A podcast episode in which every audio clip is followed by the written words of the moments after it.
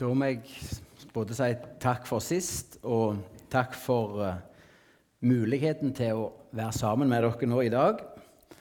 Jeg skulle gjerne hatt hele familien med, men kona hun er både høygravid og litt utsleien av influensa, så hun måtte holde huset. Uh, jeg tenkte på når jeg så det her, uh, at alt er underlagt Jesus Kristus. Alle makter, alle myndigheter. Alt er lagt under hans herredømme. Eh, og Bibelen sier også at alle ting er skapt ved han og til han. Både det synlige og det usynlige. Eh, så vi kan frimodig bekjenne oss til Jesus Kristus som vår Herre og Frelser. For han har fått all makt i himmel og jord. Eh, han har makt til å gripe inn, han har makt til å bevare deg, han har makt til å lede oss. Eh, så vi kan få bekjenne at Jesus Kristus er Herre, og vi kan også få lov til å bøye våre kne. Eh, og det er et privilegium at vi får lov til å bøye kne og bekjenne Jesus som Herre. For en dag så skal hvert et kne bøye seg.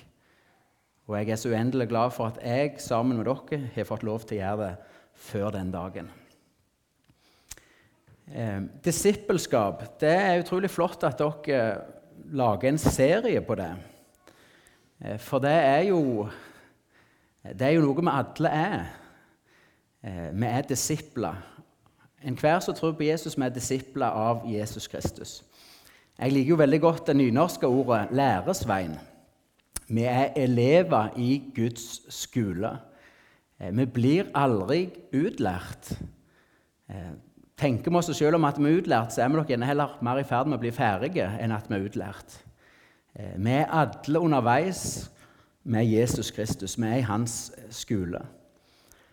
Og I Bibelen så kaller Det er en sånn dobbelthet i disippelkallet i Bibelen. For På den ene sida er vi alle kalt til å være Jesus sine disipler. Følg meg. Vær mine disipler. Eh, og på den andre sida er vi kalt til å gå og gjøre disipler.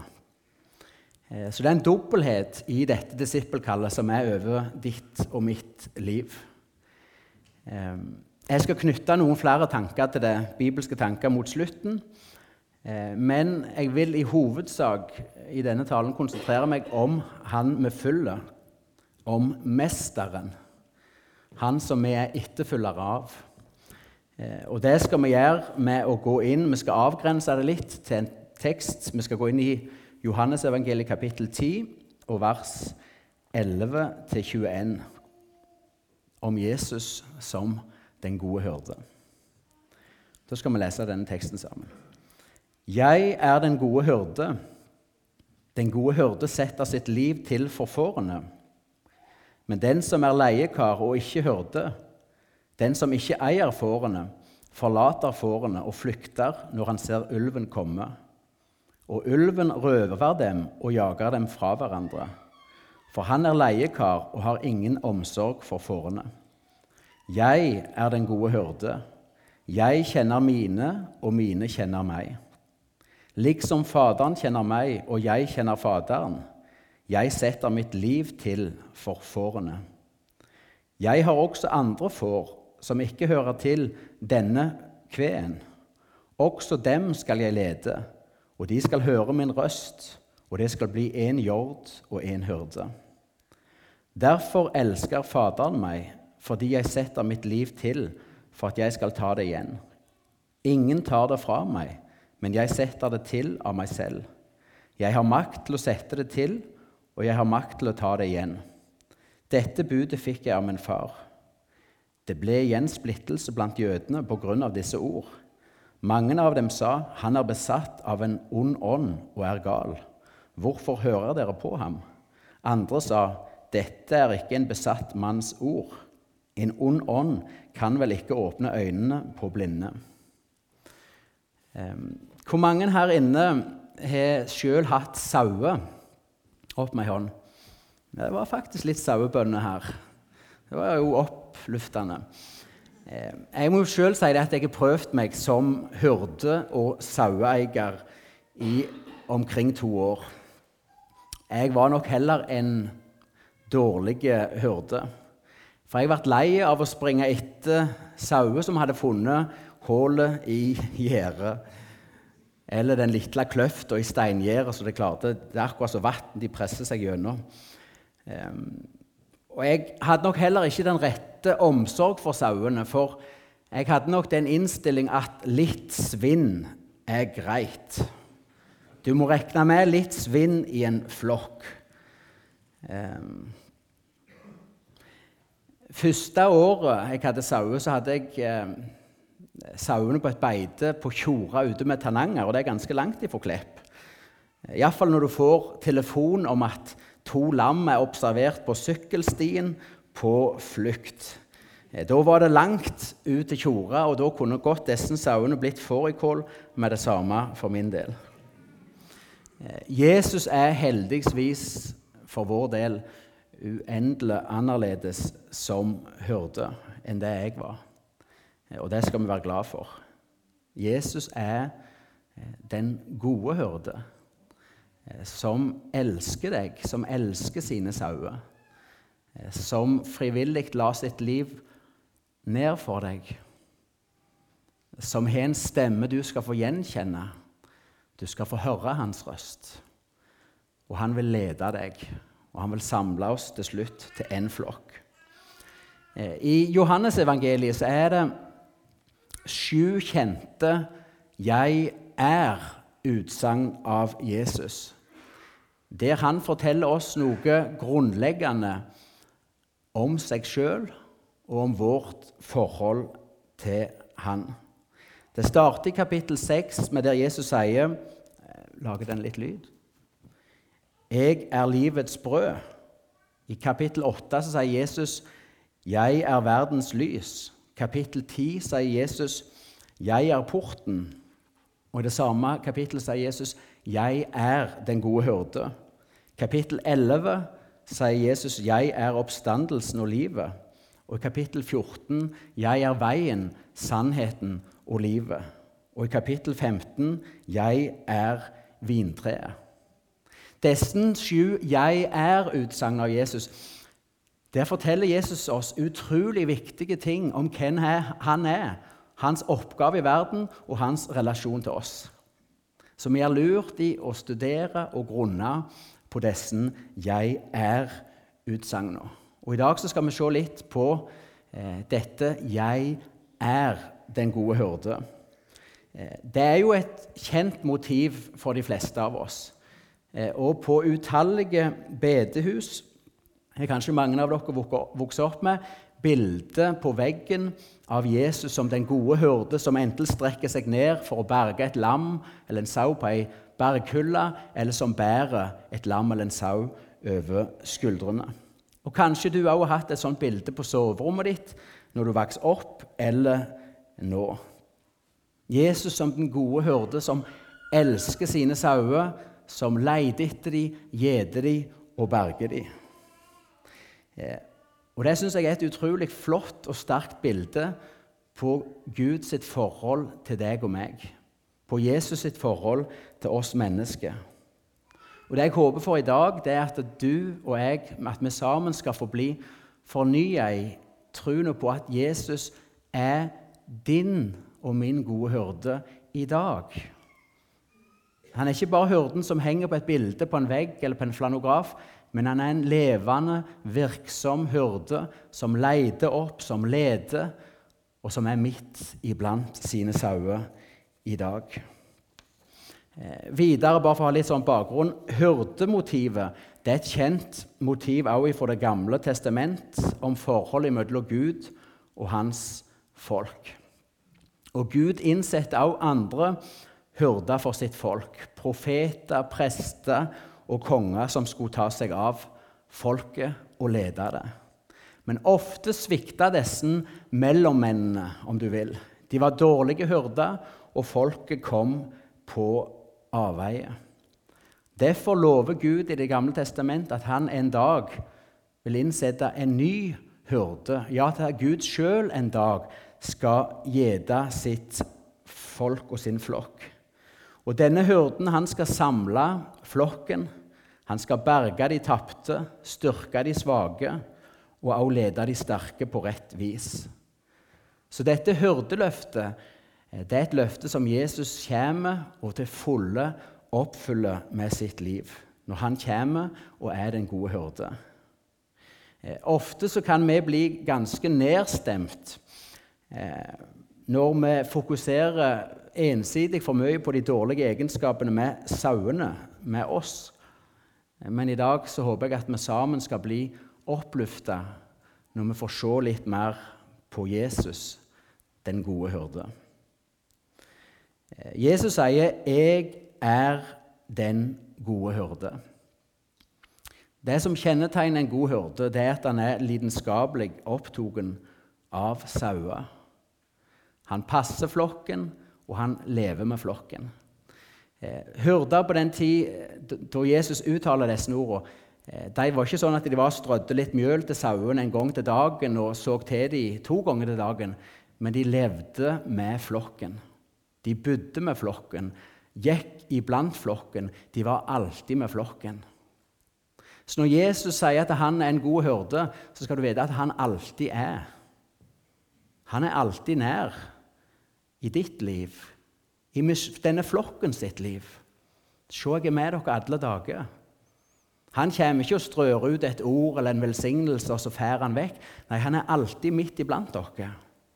For han er den gode hyrden, og han er sjå sine sauer. Eh, den gode hyrden det er den som tar sånn totalansvar for sauene. Han leder dem til de gode beitemarkene, til det grønne gresset. Han leder dem til vannhuller, til vann. Han leder dem til plassene der det er godt å roe seg på de varme dagene, og der det er godt å søke ly på de kalde uværsdagene.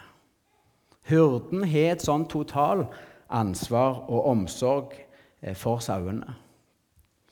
Eh, og hyrden er også den som beskytter sauene mot de farer som sauene sjøl aldri kan stille opp mot.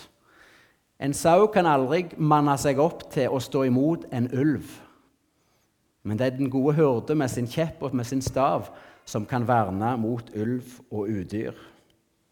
En halte sau kan aldri spjelke sin egen fot. Men den gode hurden han ser også den enkelte sauen som ligger på kne når han graser, for han, han er en verkende fot. Hurden ser det, og hurden går til den ene sauen og forbinder, spjelker, tar ut hvis de steinsplint kommer inn i klauvene osv. Den gode hyrde han ser flokken og gjeter men han ser også den enkelte sau og tar seg av den enkelte på samme måten som han er omsorg for flokken. Og Den gode hyrden han tenker ikke sånn som jeg. Ja, ja, det er greit om jeg mister noen. Litt svinn må jeg regne med. Det er ikke så unaturlig om at noen faller ifra her i misjonssalen, for uh, tross alt flertallet blir igjen. Nei, for den gode hyrden så er hver og en av hans sauer umistelige. Han setter sitt liv til for flokken, men det som gjelder flokken, gjelder også den enkelte. Den enkelte er umistelig, og det er en sau, et menneske, som han har lagt sitt eget liv ned for.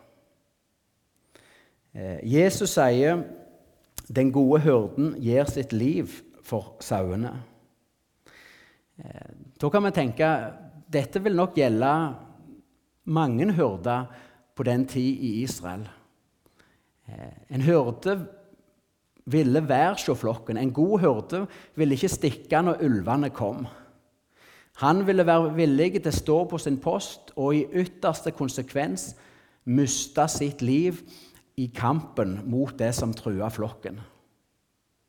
Men Jesus sprenger dette bildet og tar det enda lenger. For det er ikke det at han i ytterste konsekvens er villig til å miste sitt liv i kampen for sin flokk og sine sauer. Men det er nettopp med å gi sitt liv, legge sitt eget liv ned, at han er den gode hyrde.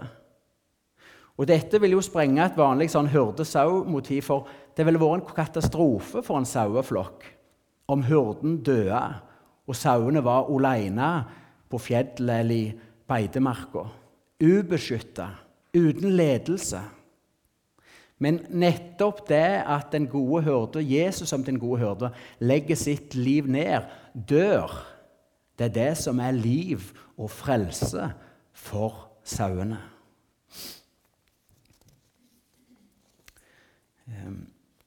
Når jeg hadde sauene, så hadde jeg det òg et år på, på beite ut forbi Podlest. Ehm, det er i Klepp kommune. Eh, og Der gikk de òg på et myrbeite. Eh, Møyagrova ligger der. Det er sånn gammel torvutskjæring, så det er et, et lite vann der midt i myra. Eh, jeg har fortalt dette før, men selv på en veldig tørr periode på sommeren, en tørr sommerdag, så var jeg for å se etter sauene. Og Der oppdaget jeg til min forskrekkelse to sauer som hadde gått for nimmet denne Møyagrova. Og de hadde havna i fuktige myr, og de hadde sunket ned sånn at det var bare øynene og snuten som var opp forbi. De hadde nok leid timevis og kavt, og de hadde bare blitt regnet mer og mer ned. Og Det var så blaut og fuktig der at jeg kunne ikke bare gå ut til dem, for da ville jeg sjøl synke nedi. Jeg måtte reise og hente forskalingslemmer som jeg la ned som ei bru, og så gikk jeg ut til sauene. Og Da klarte jeg med stor anstrengelse så klarte jeg å dra en og en sau opp. Eh, og skulle jo tro at de holdt seg til meg da etter jeg hadde berga dem sånn, men det første de gjorde når de klarte å stå, det var til å sjangle seg vekk ifra meg. Så de, de, ville gå sine egne veier. Eh, det hadde ikke hjulpet disse sauene noen ting om jeg hadde sagt 'Fantastisk flott å se dere i dag'. Eh, nyt sola, sommeren. Kjenn på den friske, gode lufta. Eh, så fine øyne du har. Kos dere. Vet du hva? De lå og var fortapt. Det eneste som de hadde bruk for, og som kunne hjelpe dem, det var en som hadde kraft til å frelse dem, til å dra dem opp. Eh, og Sånn er det òg for deg og meg og for alle mennesker. Eh, Bibelen sier at vi for alle vilt som sauer og gikk vår egen vei. Jesaja 53. Vi var fortapt på ville veier. Vi sådd fast i ei hengemyr av synd og skyld og var under Guds dom. Og Det hadde ikke hjulpet oss noen ting om Jesus hadde kommet og sagt 'ta deg i sammen', 'prøv hardere', 'jeg heier på deg'. Nei, det vi trong, det var en hyrde som hadde kraft og makt til å frelse oss.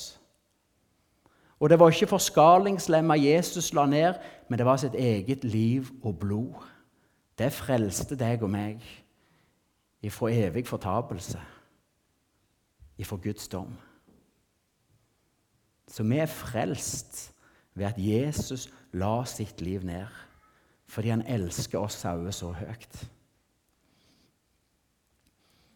Jesus fortsetter også i denne fortellingen å lage et sånn motbilde mellom den gode hyrden og leiekaren. Leiekaren som ikke eier sauene, eh, han lar sauene være sauer når eh, ulven kommer. Da stikker han. Vi kunne gjerne sagt, for å lage moderne språk, avløseren. Han som ikke er bonde sjøl og eier sauene, han, når det røyner på og det blir fare for hans eget liv, så stikker han. Eh, sånn er ikke Jesus som den gode hyrden. Han stikker ikke, han lar ikke ulven herje og splitte og jage flokken ifra hverandre. Han blir hos sauene.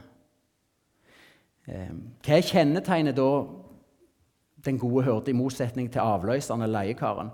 Vi kan jo si at avløseren, han, for han er det bare en jobb. Han er der for pengene. Han er der dypest sett for sin egen del. For han trenger jo en jobb, han trenger penger. Eh, mens gjeteren, den gode gjeteren, han er der for sauene. Han er der for å legge sitt eget liv ned for sauene. Eh, hvem er ulven? Ja, ulven er kan minne seg alt det som vil øyelegge og splitte eh, Guds flokk. Alt som vil øyelegge og splitte dette fellesskapet.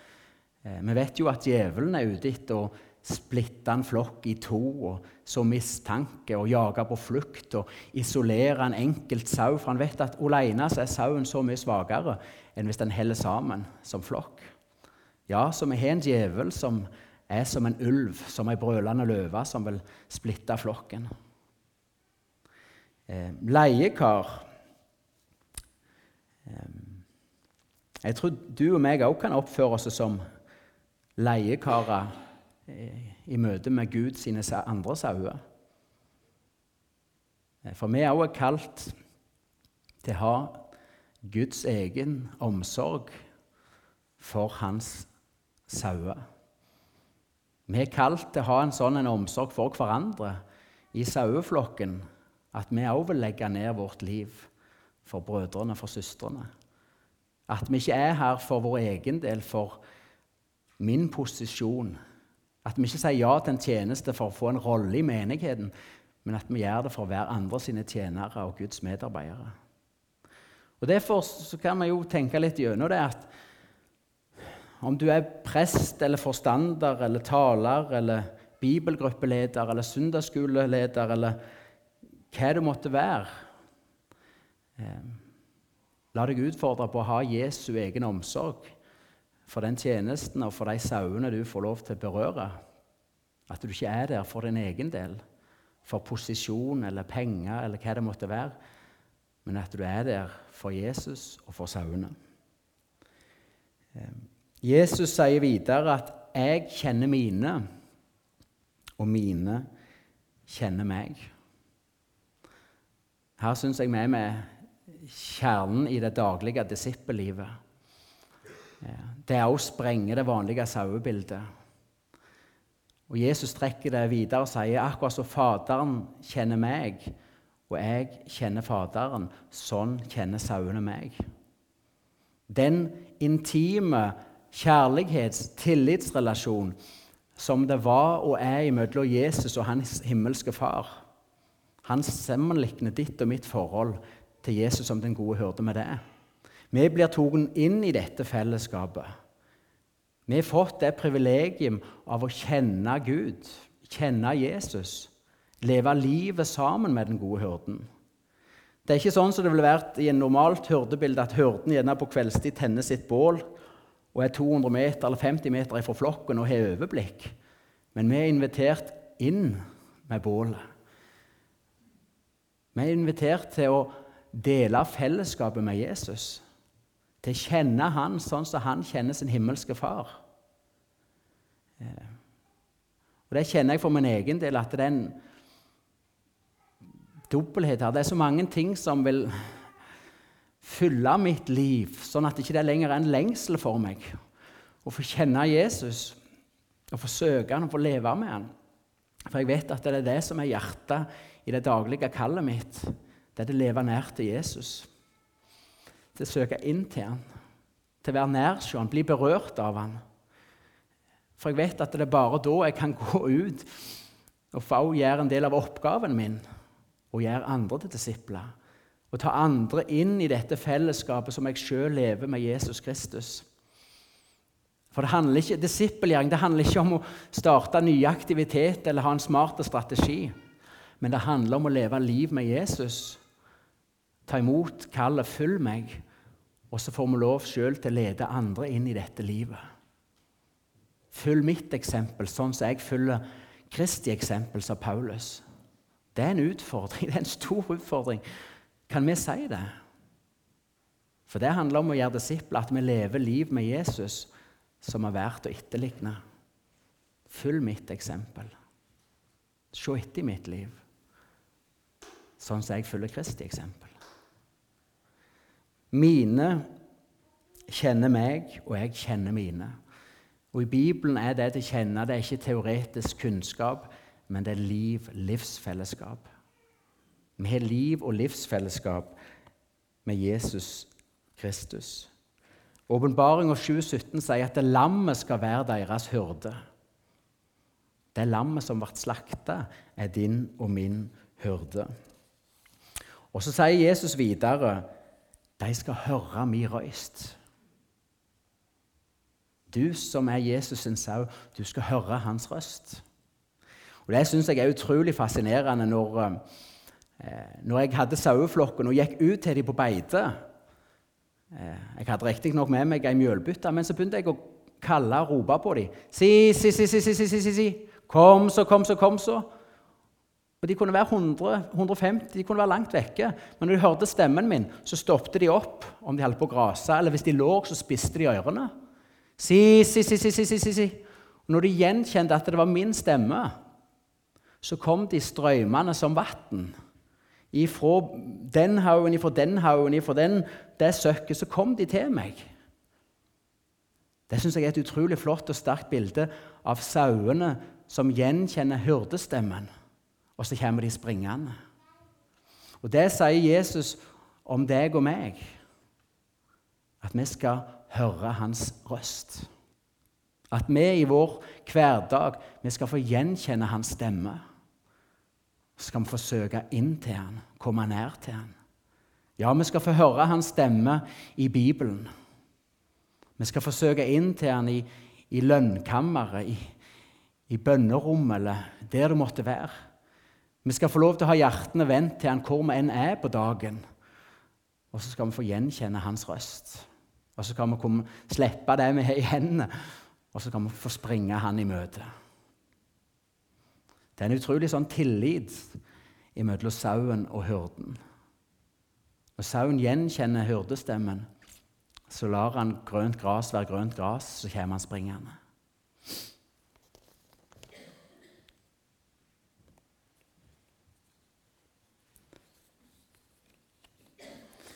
Så det skal du vite, du som er en sau til Jesus Kristus Han ønsker at du skal få gjenkjenne hans stemme i hverdagen. Og Den kan komme på så mange forskjellige vis. Det kan være en stille tanke. Det kan være et bibelvers som blir levende og kommer til deg. Det kan være en sang som slår an tonen for dagen. Det kan være noe du våkner med, altså han er lagt ned på deg mens du lå på ditt leie. Det kan være et bilde. Det kan være andre sauer Jesus sender din vei, som er hans stemme inn i ditt liv. Men du skal få høre hans stemme, og så skal du få gjenkjenne det. Eh, Jesus sier òg at 'ingen tar livet mitt'. Jeg gir det frivillig. Jesus døde ikke på korset fordi fariseerne hatet han, og det gjorde de. Han døde ikke på korset fordi oversteprestene la planer om å drepe han. Jesus døde ikke på korset dypest sett fordi folket ropte 'korsfest, korsfest'.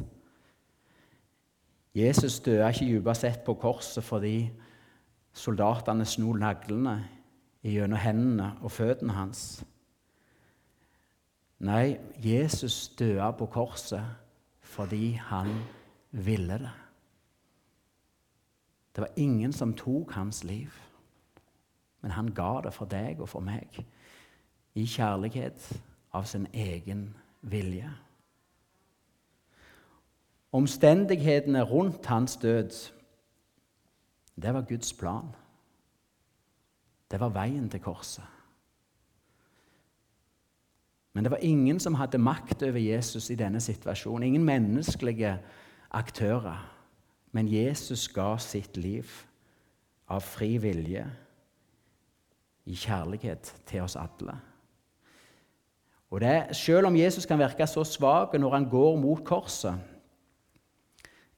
ja, det er sånn du kan lure på at Han, han var så utmatta fysisk, så mishandla, at det var vel Simon fra Kyrene som måtte bære korset foran tverrbjelken, den siste etappen.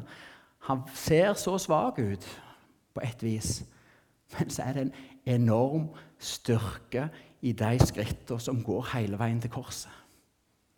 Det var hans vilje. Det var den gode hyrden som sjøl valgte å gi sitt liv. Der han synes som svakest, der er han sterkest. Der frelser han deg og meg. Når Jesus hadde sagt dette om den gode hyrden, at 'jeg er den gode hyrde', så var det som alltid når Jesus hadde talt. Det var sterke reaksjoner på hans ord. Tilhørerne delte seg i ulike flokker. Noen avviste Jesus fullstendig og sa at dette er en galen mann, en besatt mann. Han må være demonbesatt. Andre var mer forsiktige og forsvarte han litt og sa men dette er vel ikke en gal manns ord og gjerning. Og andre igjen, selv om de ikke forsto alt, tok imot hans ord og gjemte det i sitt hjerte. Sånn er det òg i dag. Når Guds ord blir forkynt, og Den hellige ånd virker, så blir mennesket delt i ulike flokker, hvordan en stiller seg til Jesus og hans ord. I dag har vi hørt noen ord fra Bibelen om Jesus som den gode hyrde. Hvordan reagerer du på det?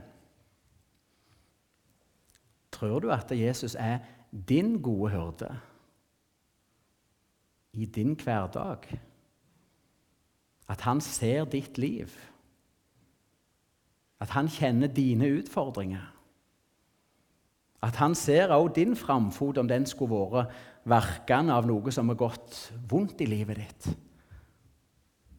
Og at han står klar til å komme og rense forbindet. At han med sin hyrdestav vil gi deg et pikk på skulderen når du er på vei ut mot en fare. Tror du det? Ja, at han dagen lang har oppsyn med deg og vil kalle på deg med navn. At du skal få høre hans stemme.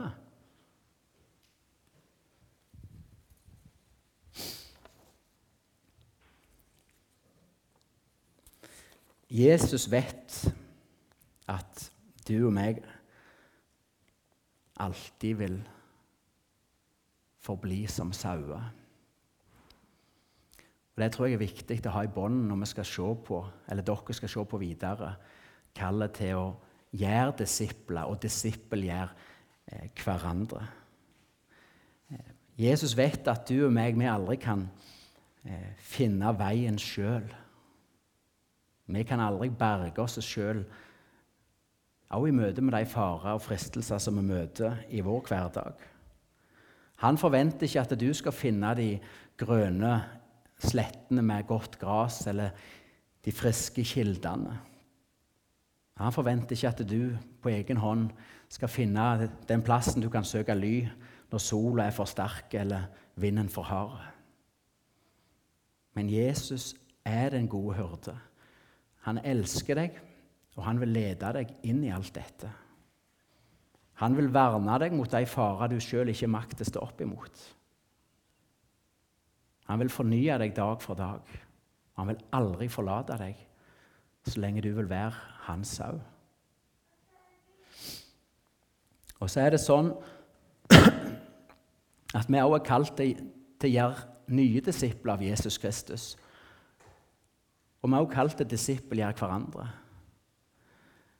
Men styrken i din og min evne til disippelgjøre nye og disippelgjøre hverandre, den springer ut av din og min relasjon til den gode hyrden. Det er liv vi lever med Jesus.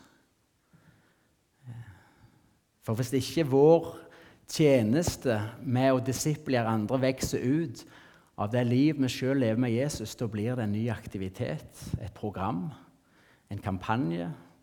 Noe som kan gå og humpe videre en stund, men det bærer ikke de fruktene som Gud vil.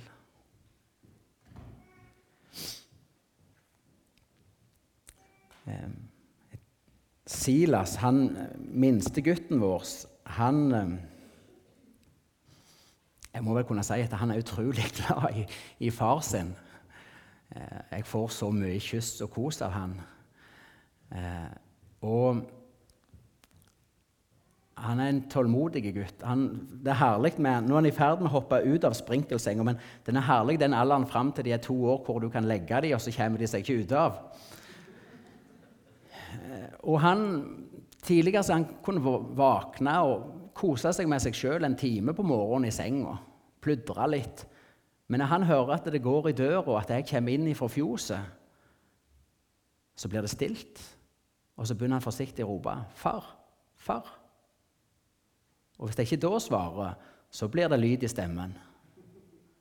Og så går jeg inn til han, og så løfter jeg han opp av sprinkelsenga. Og sier 'Hei, Silas'. Bærer jeg han, tar jeg han med opp, setter han i stolen sin, og så har vi frokost i lag. Sånn han er vokst opp, det er at han er drukket av kruset mitt med melk. Jeg har revet av det beste på skiva, og så har jeg gitt han. Så har jeg matet han.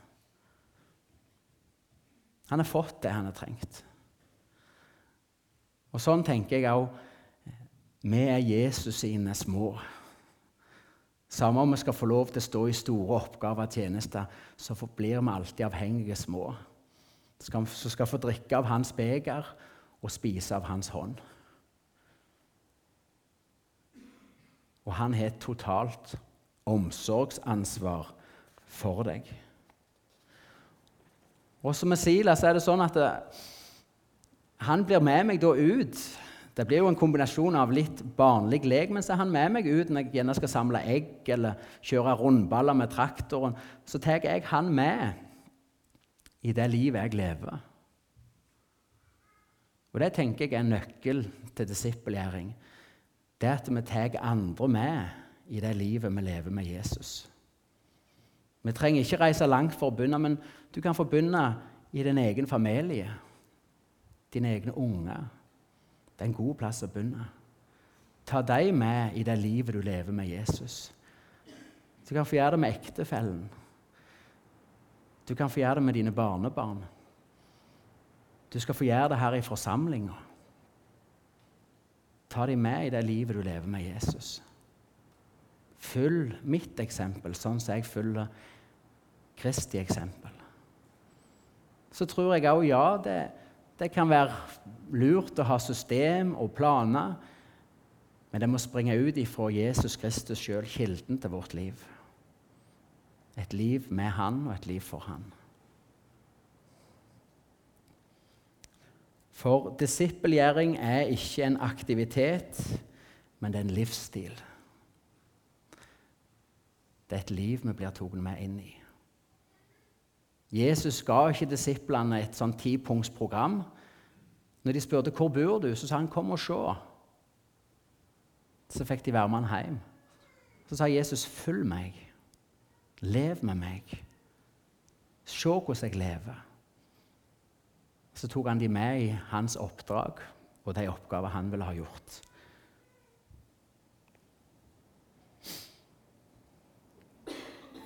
Vi vil helt til slutt med å lese fra 1. Peter 2, 21. For Kristus lei for dykk og ga dykk et eksempel, så det skulle følge i hans fotspor. Det er Jesus sine fotspor vi går i. Det er hans eksempel vi følger. Og i hans fotspor så er det nåde og kraft for hvert et nytt skritt. La oss be. Kjære Jesus, jeg takker og priser deg for at du fortsatt er den gode hyrde. Takker og priser deg, Jesus, for at det var ingen som tok ditt liv, men du ga det villig av egen vilje, i kjærlighet til oss. Så takker jeg deg at vi skal få lov livet ut og være dine sauer. At vi skal få være under ditt vern, være under din omsorg, leve i din nærhet, få være og vandre i din nåde. Og Jesus, så ber jeg om at du må hjelpe meg og oss i hverdagen til å ta nye med i dette livet. Hjelp oss til å vinne disipler for deg. Hjelp oss å være disipler for deg. Jeg ber om at du må velsigne misjonssalen og de neste møtene der de skal få se på disippelgjøring og disippelskap. Her jeg ber om at du skal lede enkelte til å ta nye skritt i dette. Til å få se muligheter i sin hverdag til å få høre din stemme. Vi ber om dette i Jesu navn. Amen.